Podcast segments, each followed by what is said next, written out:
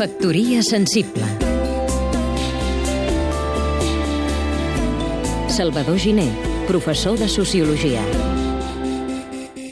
Proa, Catalònia, Robafaves i també Jaimes, que es trasllada perquè no pot assumir l'altíssim lloguer que paga al Passeig de Gràcia. Les llibreries pleguen o, en millor cas, arronsen despeses. Moltes cerquen en tota la panòplia d'estris electrònics, CDs, iPods, iPads, guies turístiques, revistes i pseudolibres la manera d'evitar el desastre. Mor la cultura llibresca? Ens quedaran només els llibres de text? Comprarem els pocs llibres que es venguin només als impersonals grans emporis que són els grans magatzems? Aquest malson d'aire condicionat i perenne fil musical? No us ho sé pas dir.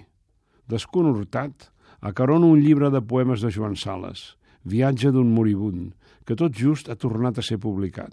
El moribund no haurien de ser les llibreries. El trobareu, per cert, a les millors llibreries. N'hi ha encara.